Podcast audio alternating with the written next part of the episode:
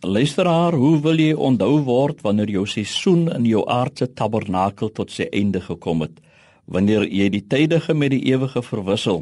Wanneer jou tentpenne uit hierdie tydelike bestel geruk word en jy tot sien sê vir mens en dier in jou aardse besittings? Hoe sal jy jou nalatenskap vertoon?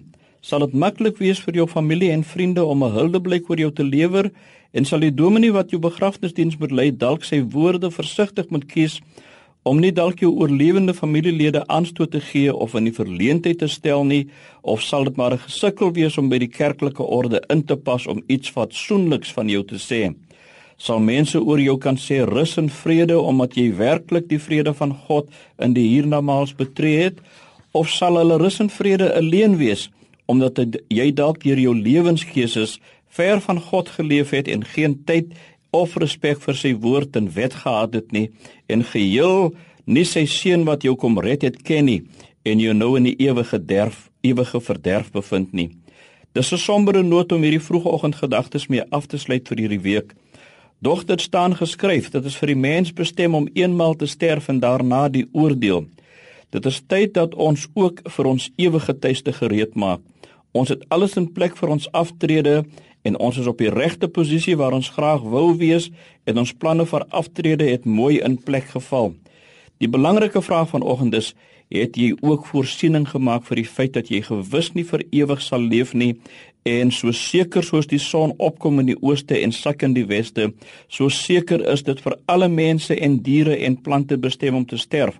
Selfs die sanger Freddie Mercury vra in een van sy liedjies: Who wants to live forever?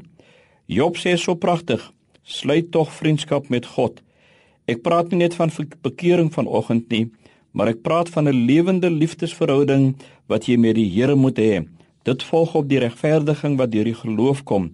Die heiligmaking is die werk aan jou persoonlike verhouding met God deur die krag van die Heilige Gees.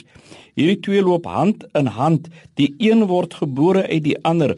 Die Bybel maak dit so duidelik dat slegs hulle wat tot die einde toe volhard sal gered word. Jy kan nie net 'n kerkmens wees wat jaar in en jaar uit die kerk besoek en jou offers gee en jou hande afsloof vir die bazaar en geen sekerheid van saligheid het nie. Micha 6:6 vra: "Wat sal ek saamvat as ek na die Here toe gaan? As ek voor die hoë God gaan kniel, moet ek met offers na hom toe gaan met jare oud kalwers?" Dan sê vers 8 en 9: "Dit is so duidelik wat ek en u elkeen moet doen. Mens, die Here het jou bekend gemaak wat goed is. Hy vra van jou dat jy reg sal laat geskied, dat jy liefde en trou sal bewys, dat jy bedagsaam sal lewe voor jou God om die Here te dien. Dit is wysheid. Amen.